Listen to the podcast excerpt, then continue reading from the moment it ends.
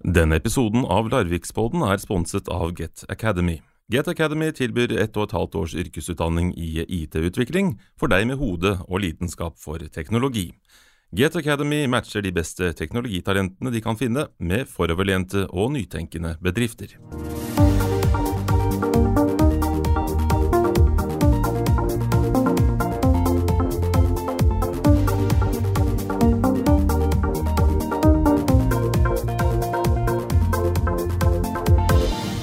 Så går omsider også uke 35 mot sin ende, selv her i Larvik. Det samme gjelder vel sommeren, og nå som beboerne langs fjorden snart kan vinke forstyrrende uteserveringer farvel, kan man igjen nyte lyden av Larvik havn. Et inderlig og ektefølt velkommen til selve premiereepisoden av Larvikspodden, en podkast om Larvik. Jeg heter Tormod Ugelstad, og denne uken hadde jeg tenkt at vi blant annet skulle snakke litt om støy. Støyen fra Larvik havn, støyen som oppstår av at noen er freidig nok til å mislike lyden av arbeidsplasser.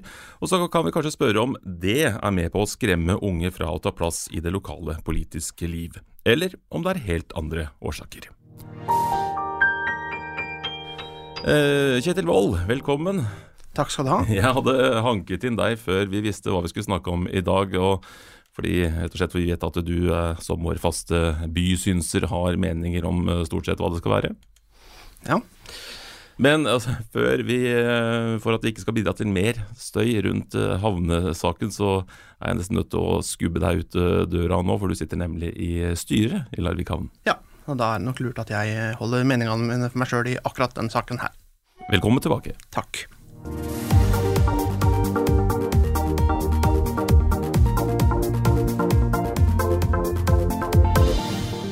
Da kan vi gå løs på første sak, og ønsker Karoline Beate Dalegården Skøyen velkommen. Takk skal du ha. Ja, Du tilhører gruppen som vi jo veldig gjerne ønsker skal, skal, skal komme hit, eh, så lenge dere smiler og holder munn. eh, Kan det virke som i hvert fall. Nemlig innflytterne. Du er leder av Tennevik Vel, og denne uken har, det, har vi lest om deg i Østlandsposten i flere runder i forbindelse med containerhavna. Det stemmer. Og da, i den anledning, så har vi også med deg, havnedirektør Jan Fredrik Jonas. Velkommen skal du være. Jo, tusen takk. Du, eh, for eh, folk som, eh, ja, som kanskje som meg, som, som tenker at de hører havnedirektør og kaster seg over Google, hva gjør egentlig en havnedirektør? Nei, jeg driver havna. Ja, alt mulig. Vi prøver å gjøre det aller meste fra, fra det operative ute på kaia til eh, prosesser mot kommunen, utvikle havna, flytte ferjeterminalen, bygge containerterminaler. prøver å, stort sett prøver å gjøre Larvik havn til eh, en av Norges beste, eller at vi skal få bli en av Norges beste havner, faktisk. Mm. Eh, Beate, du bor på Tenvik. Det er, eh, jeg målte i stad, eh, sånn 1,3 km i luftlinje. Altså jeg gikk ikke ut, men jeg så det på Google Maps. Fra containerhafta, men, så han- men så er det kanskje ikke så mye mer enn luft mellom, mellom dere. Nei, det er det ikke. Og, og det med støy, altså så fremt man ikke snakker om det rent sånn smertegrenser, så er jo det veldig, veldig subjektivt hva man opplever som støy, og hvor mye man opplever støy.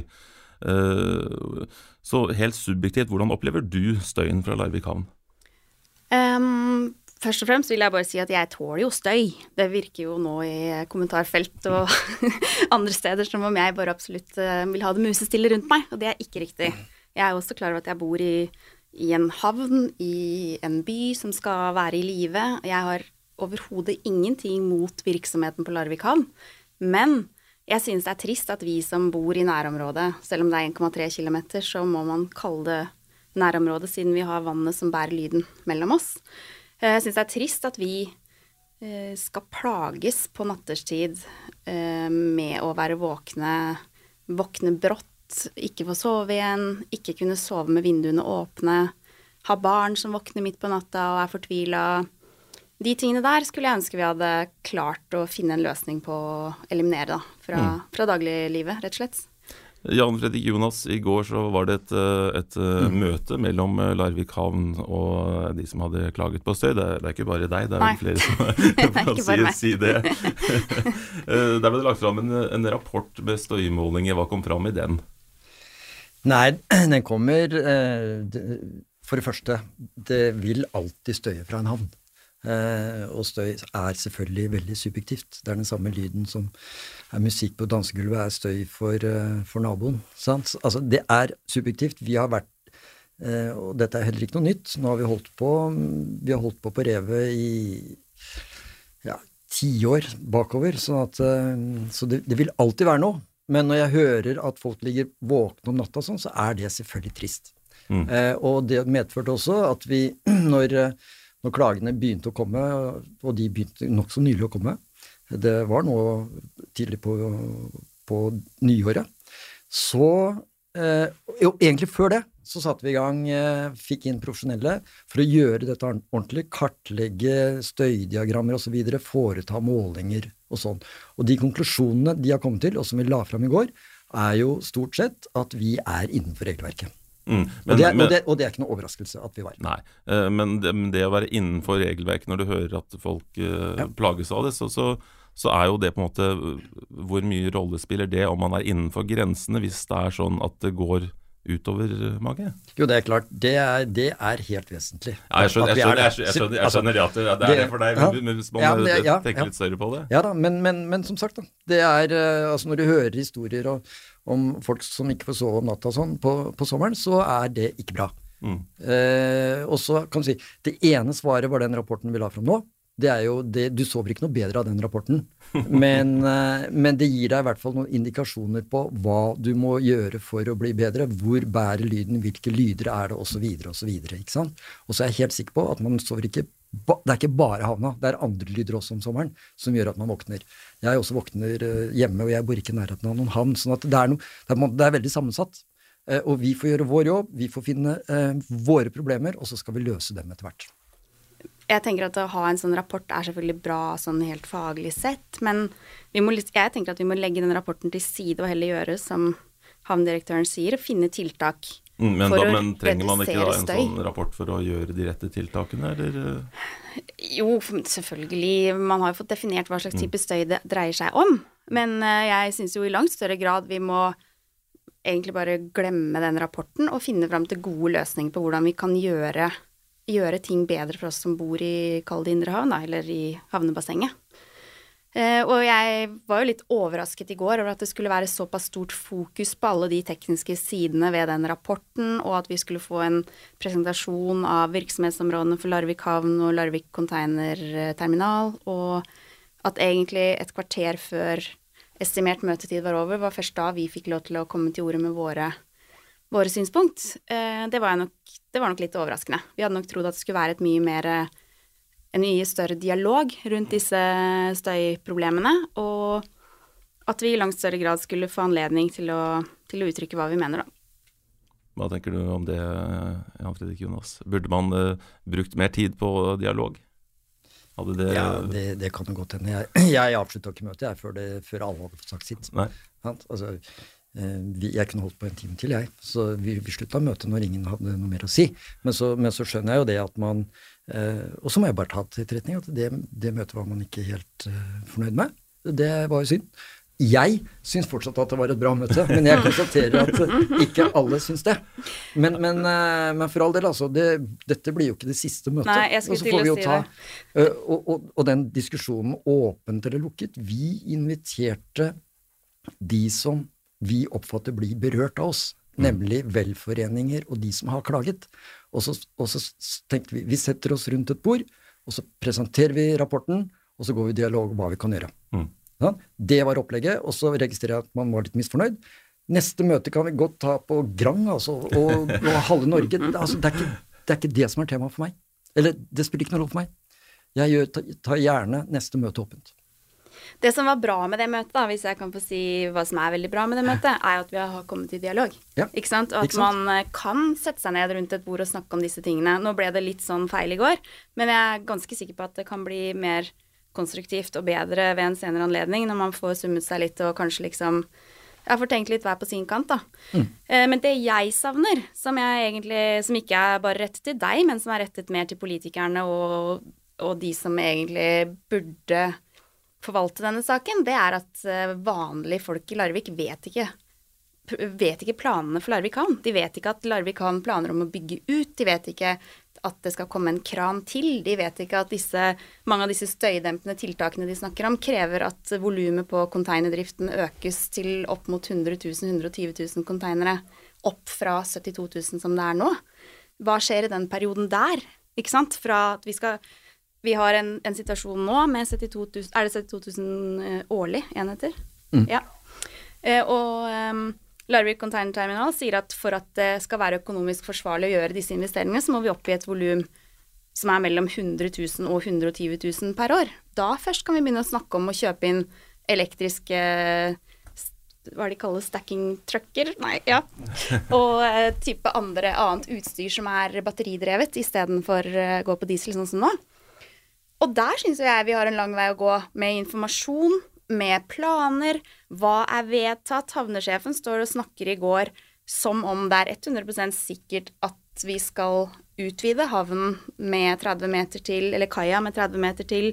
Vi skal gjennomføre tiltakene på Sika-tomta selv om det er blitt stoppet. Det virker som alt er på en måte bare en sånn Satt litt sånn på pause.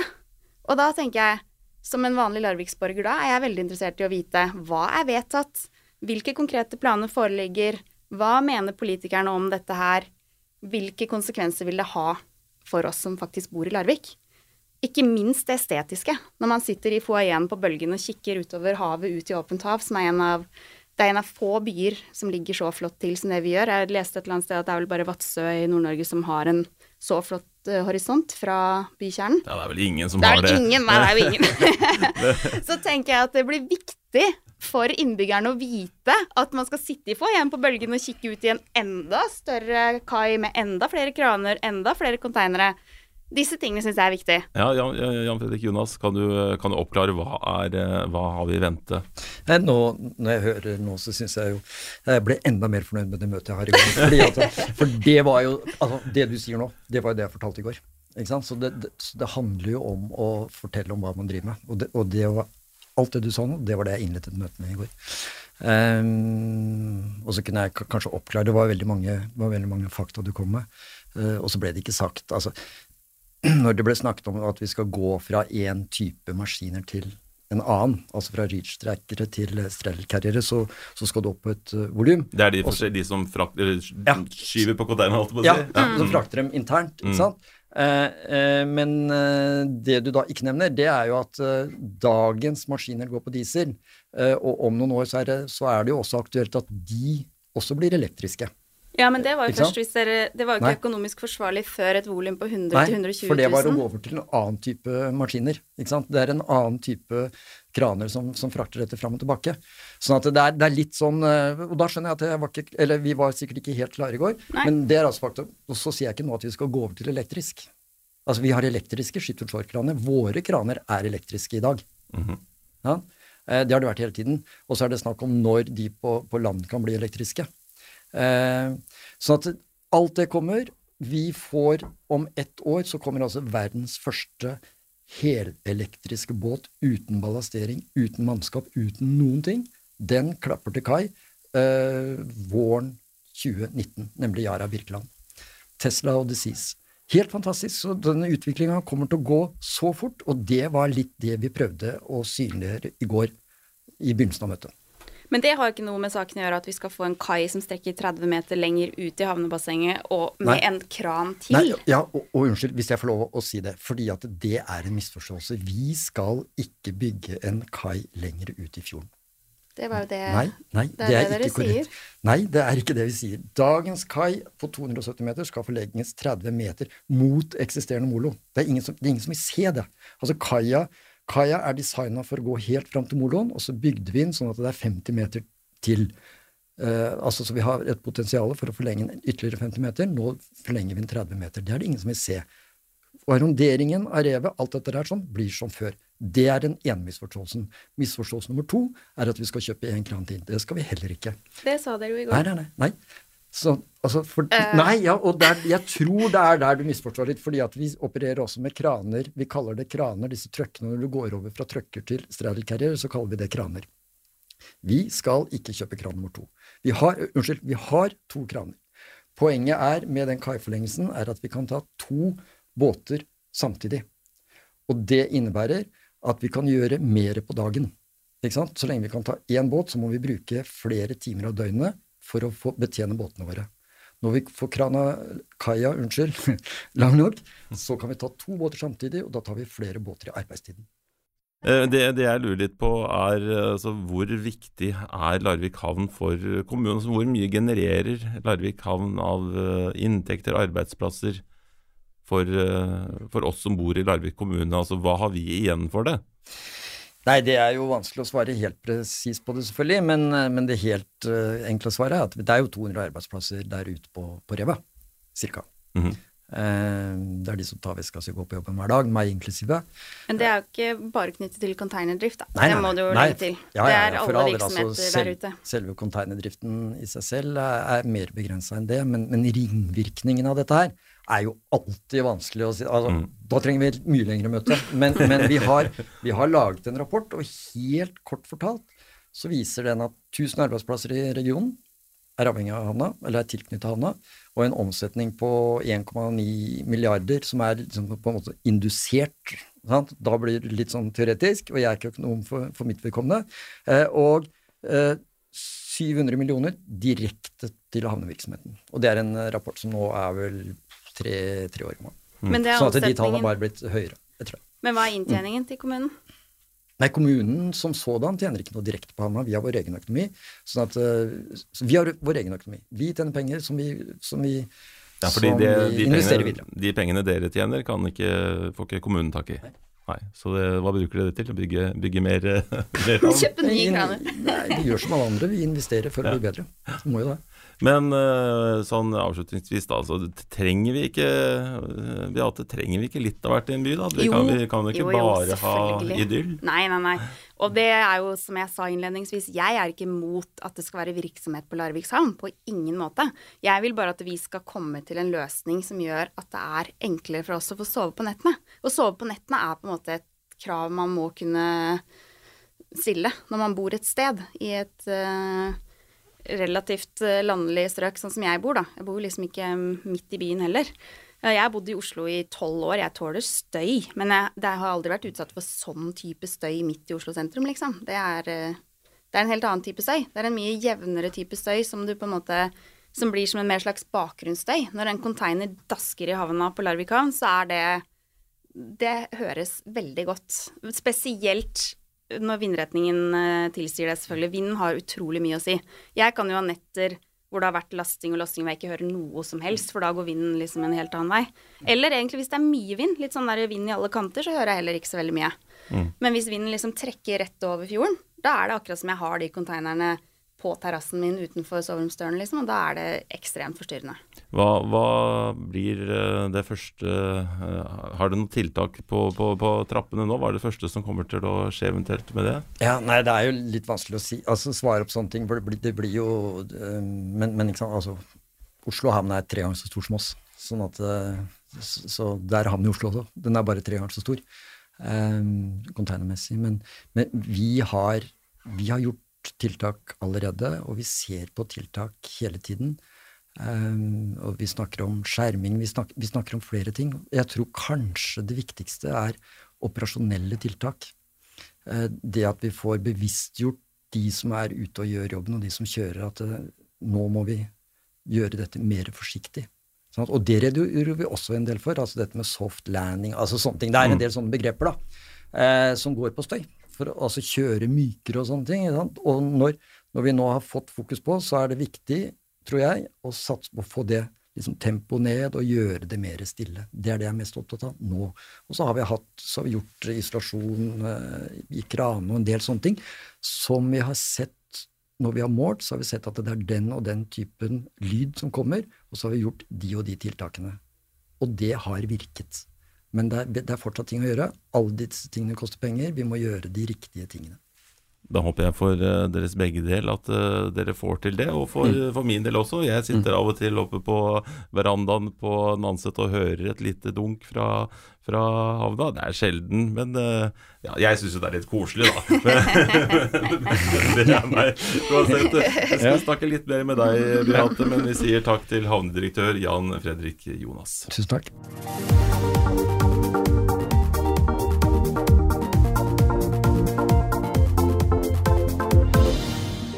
Skal over til et uh, annet aspekt ved denne saken, og her burde det være betydelig enklere å ta uh, stilling, tror jeg. da. Nå tar jeg sjansen på å ønske deg velkommen tilbake, Kjetil Wold. Takk skal du ha.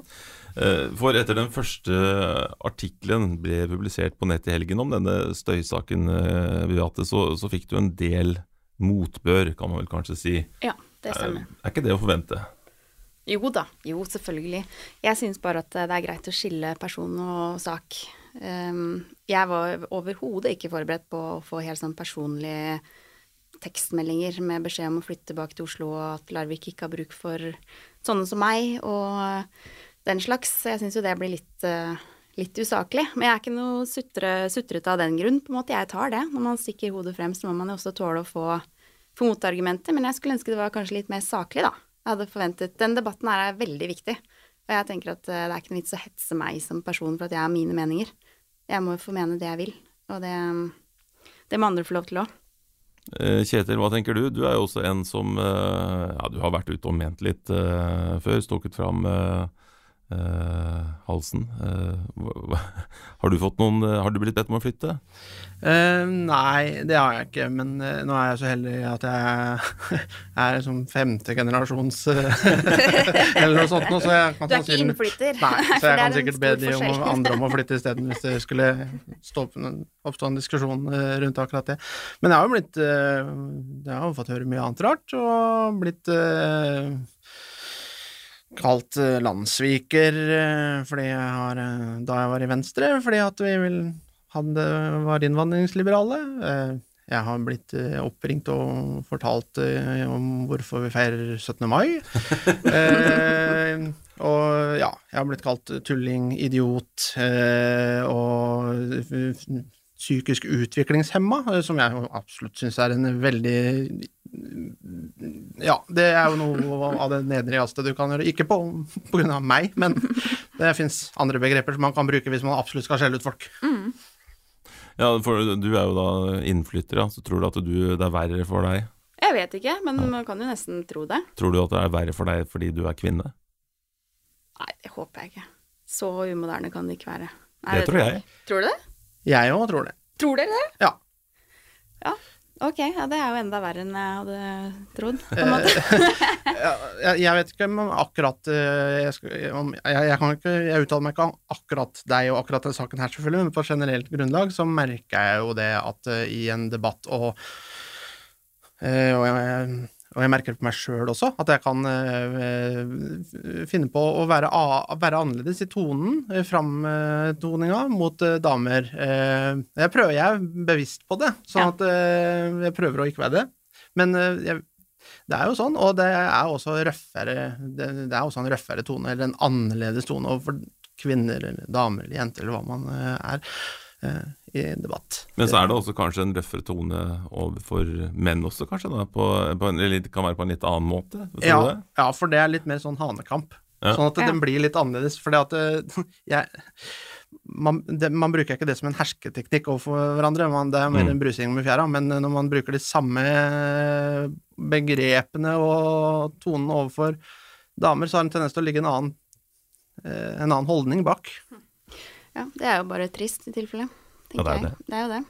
Hva kan vi gjøre da for å, for å få til uh, Vi må kunne bryte meninger uten å ty til personangrep og, og, og usakligheter? Ja, først og fremst må jo da i tilfelle flere damer komme på banen da, med en mening. For det bør man jo kanskje oppfordre til. Det er jo veldig ofte menn som stikker hodet fram.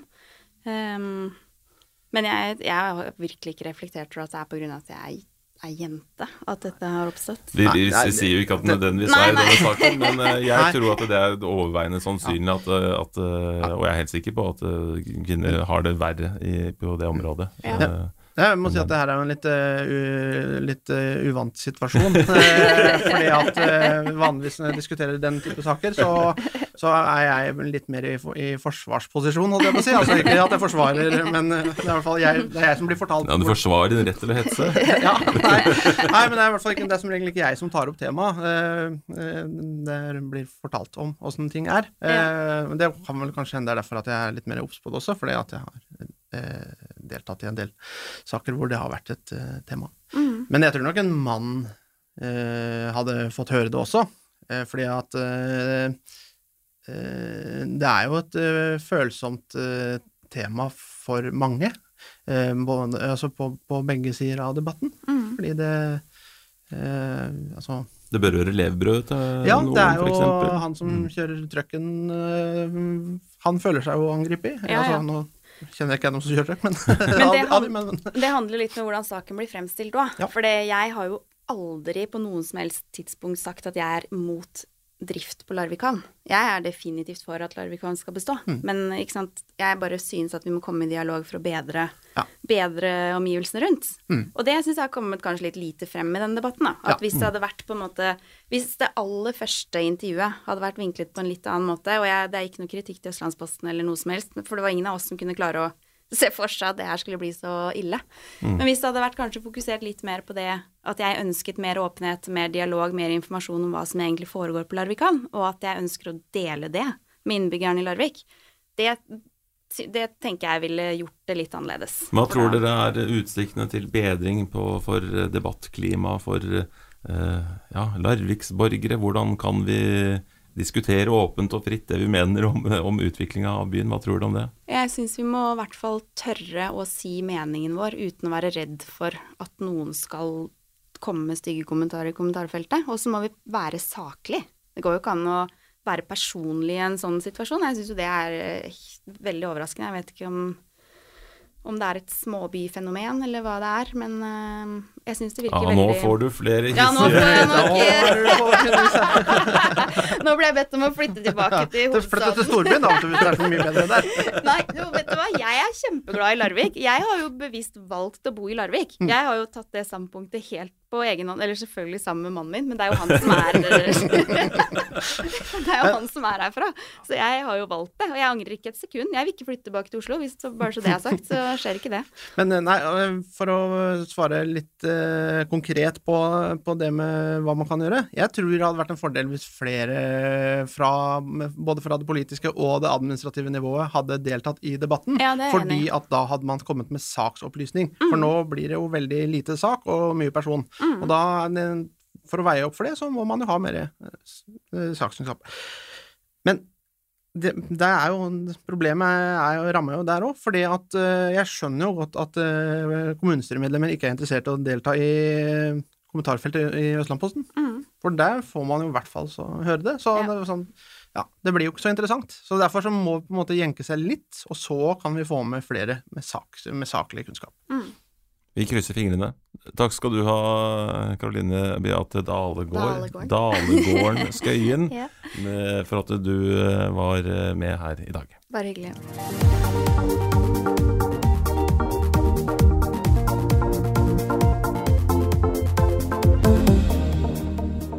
I løpet av eh, sommeren og også i de siste ukene har vi lest om lokalpolitikere som gir seg etter denne perioden, bl.a. fordi det blir for vanskelig å forene med et vanlig familieliv.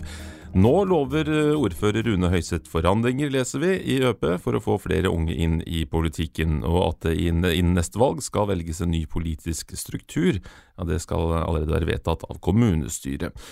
Eh, Er det nye strukturer som eh, skal til, eller er det noe annet? For å snakke litt om det, så kan jeg ønske velkommen aller først deg, leder av Larvik Unge Høyre, Olav Eftedal. Tusen takk. Og leder av Larvik SU, Vetle Straume. Takk. Kjetil, du er her fortsatt. Ja. Eh, Begynner med deg, eh, Straume. Så, eh, Hvordan er tilstanden for SU i Larvik? Eh, vi har jo to aktive medlemmer, og eh, jeg syns det er vanskelig å få engasjert ungdommen, uansett hva jeg snakker om med det, egentlig. Og det er vel egentlig det å ha like meninger overalt. Det er jo vanskelig uansett, men uh, Du tenker du har like meninger innenfor, et, eh, så innenfor rammen av et politisk parti, tenker du på? Eh, ja. Mm. når jeg kommer fra SU, da, Mm. tenker de med en gang SV og kanskje litt løse meninger i forhold til innvandring og sånne ting, da. Det er jo kanskje noe som betyr mye for mange. Hva med deg, Olav? Hvordan er tilstanden for uh, Larvik Unge Høyre? Nei, den er jo noenlunde lik i SU, vil jeg tro. Det er jo mm. det er ikke mange uh, aktive, men uh, det kryper smått oppover. Bitte litt, kanskje. Um, og så vil jeg jo føye meg etter etter Vetle. Det er jo det at hvis du sier at du er fra et politisk parti, så blir det automatisk stempla som du mener det, og du mener det, og derfor er du det. Men er, ikke, sånn, men, er ikke det litt meninga med politiske partier? At man har et sett med ting man er enig om? Jo, men eh, det som jeg mener, er at uh, du blir stempla som politiker. Ja. Så du blir liksom ja. uh, Du er en av dem, du er ikke en av oss. Hvis ja, du snakker med noen det, som ikke er engasjerte. At man ikke vil havne i den Se ut som en politiker, holdt jeg på å si. At, Nei, det, at det er det, det unge tenker på, tror du det? Ja, altså, sånn som eh, på skolen, da, så er det sånn at læreren noen ganger sier at uh, ja, det sier Olav, for han er jo liksom politiker. Og da føler jeg at jeg blir liksom distansert da, fra resten av elevene. Fordi eh, jeg er en politiker, men jeg er jo ikke det. Jeg er bare en engasjert ungdom i et ungdomsparti. Og det tror jeg gjør at det er vanskelig for annen ungdom å engasjere seg. Fordi de må være politiker for å være engasjert. Eh, men jeg har jo inntrykk av at det er veldig mange unge som er engasjert i uh, ulike temaer. Enten det er naturvern, altså miljø, dyrevern, alt mulig. Er det, er, det, vanskelig Nei, altså sånn lokalt så tror jeg det er mye vanskeligere enn nasjonalt. For nasjonalt så har du jo disse skolepolitikk og miljø og, og naturvern. Eh, som eh, jeg tror unge er mer opptatt av i disse dager. Er det, er det, for lite interessant som skjer i, en, eh, i kommunepolitikken? Jeg tenker kanskje først og fremst at det, ungdommene tenker, da Når jeg blir med i et uh, ungdomsparti, så må jeg være med på møter, og jeg må være med på det som jeg kanskje ikke liker. Uh, om du er veldig interessert i da naturpolitikk, så kan du selvfølgelig melde deg inn i organisasjoner for det, men det er igjen lettere å påvirke politikken når du er i et politisk parti, da. Mm. Kjetil, du har jo bakgrunn fra et uh, ungdomsparti. Var det Unge Høyre du kommer fra? Ja, jeg kommer jo ikke rett derfra akkurat. Nei, men, det, eh, det, det, det, ser vi. takk. Uh, nei, ja, jeg var jo jeg var medlem i Unge Høyre i i yngre dager. Hvordan var, hvordan var, det da? Hvordan var det da i gamle dager? Jo, i gamle dager. Nå skal du høre her at uh, hvis jeg skal være helt ærlig, så var det først den beste, det beste argumentet for å melde seg inn i Larvik Unge Høyre den gang, var at Larvik Unge Høyre hadde et eget uh, lokale i Høyres hus som de kunne bruke. Uh, det var midt i sentrum. Det var ja. egentlig og så fikk, man, uh, så fikk man partiprogrammet uh, og, og, bladde litt i det, da. Og da var det jo mye som stemte, selvfølgelig, med det en sjøl mente. Men jeg, tenker, jeg, tror at det som, som, ungdoms, som ungdomspolitikerne her snakker om, det er jo de samme problemene som er Det er ikke et ungdomspolitikkproblem. For det er det, er det, samme, det er det samme problemene for oss, oss voksne, som jeg ikke liker å si. Men Folk er interessert i enkeltsaker og engasjerer seg i de. Eh, nå er det jo ja, 7% som er medlem av partier, og 2% som er eh, aktive. Det er jo Det har gått ned veldig mye de siste, i hvert fall de siste 30 åra. Så det er, litt, det er de samme problemene som vi møter på. Hva tror dere, er det, er det noe man kan gjøre for å gjøre det mer interessant for ikke bare dere som er så unge som dere er, men hvis man tenker seg litt opp i i, i alder. Altså når man har studert litt, kanskje kommer hjem igjen. Eh, hva skal til for at det, det, skal være interessant for yngre politisk interesserte å delta i lokalpolitikken? Nei, Det tror jeg at du må forenkle litt. Eh, gjøre det enklere å forstå de sakene som blir lagt fram i et kommunestyre. Og gjøre det enklere å ytre seg og, og påvirke, rett og slett. Og det er jo ikke så lett når f.eks. sakspapirene til et kommunestyre er på 1800 sider. Det er det ikke. Hva tenker du om det, Vetle? Er du enig i at det burde bli enklere? Uh, ja, absolutt. Uh, og uh, politikk er jo Det kan jo være veldig tørt noen ganger. absolutt. men alle har jo saker som er mer viktig for en enn andre. Og da få den muligheten til å kunne ytre seg om det, det er eneste muligheten til å påvirke verden rundt og eh, da prøve å formidle det videre på flere plattformer om at du vil ha en stemme, du blir hørt, og det er lettere å bli hørt når du står sammen enn når du er alene. Vi har snakka litt om, før dere kom inn, om eh, de kraftige reaksjonene man kan få når man stikker hodet, fram og har uh, meninger eh, om dette og hint. Har dere opplevd å få passet påskrevet? Jeg har ikke fått det, faktisk. Jeg har fått heller positive, men nå har ikke jeg ytra meg om så veldig hete saker, i hvert fall. Jeg vet ikke med deg, Vetle? Jeg har jo debattert litt grann Eller diskutert, da. Sånn innvandringspolitikk og sånne ting. Og da har jeg jo merka at det, det, er ikke akkurat stille diskusjoner. Det blir veldig mye navnslenging og Eller drittkasting. Sånne ting, da. Jeg, når jeg tenker over det, så er det faktisk én gang hvor jeg faktisk har fått uh, noen negative kommentarer. Uh, og det var da jeg sa at uh, Eller jeg kunngjorde at Unge Høyre hadde vedtatt at vi skulle fjerne ulvesone. Og da var det ikke unge, selvfølgelig, som var de som sendte disse kommentarene. Det var jo godt voksne som ikke var veldig De hadde ikke filter, for å si det sånn. Og, det gjør at unge får det vanskelig å ytre seg, når man ser at uh, du kan få disse meldingene tilbake, liksom, av folk som ikke tenker seg veldig godt om før de sender disse kommentarene. Det tror jeg er et stort problem for at unge skal kunne ytre seg, i hvert fall i sosiale medier. Eh, da tror jeg bare skal ønske dere lykke til med å rekruttere flere aktive politikere til hvert deres ungdomslag, og, de andre ungdomslagene også i Larvik, som eh, også trenger litt eh, drahjelp, eh, virker det som. Avslutningsvis, eh, hvilke saker skulle dere gjerne ha hørt mer om denne uka? Du kan starte du, Vetle, hvis du vil. Nei, vær så god. Ja, jeg, jeg, har jo sendt en liten tweet da, til Læringsboden. Ja. Jeg vet ikke om dere fikk med dere jo, det? Jo, det gjorde dere. Og det var jo rett og slett om politisk organisering. Og for jeg syns det hadde vært kjempegøy å diskutere hvordan Larvik med parlamentarisme hadde sett ut. Hvor vi liksom hadde en som var leder for helse og omsorg, og hvor liksom lokalavisa kunne ikke skyte på, da, for det hadde jo blitt litt uh, voldsomt, men hvor du kunne stilt ansvar til de politiske lederne. Og det hadde blitt lettere for folk, tror jeg, da, å se hvor avgjørelsen ble tatt, og liksom hvor ting egentlig skjedde, uh, på en måte. Selv så kunne jeg godt tenkt meg å, å høre litt mer om storleken blant uh, rektorene på Larviks skole. Hva er grunnen til at de hele tiden ser ut til å bytte, bytte, skole, og hvorfor er det så mange som konstitueres hele tiden? Det kunne jeg godt tenkt meg å høre litt mer om. Og så lurer jeg litt på dette her med, med kommunen som vil kjøpe opp eiendommer langs jernbanen. Det er jo litt artig? Ja, det er litt artig. Og det å kjøpe opp eiendom for å utvikle det, det er jo noe Høyre i Sandefjord har gjort med stort hell. Så hvis det styrende Arbeiderpartiet i Larvik er med på det, så tror jeg nok helt sikkert at det er noe som, noe som i hvert fall folk er interessert i å diskutere. Ja, det vil jeg si enig i. Da var det alt vi hadde tid til i denne premiereepisoden av Larvikspodden. Men fortvil ikke, det kommer mer allerede neste uke.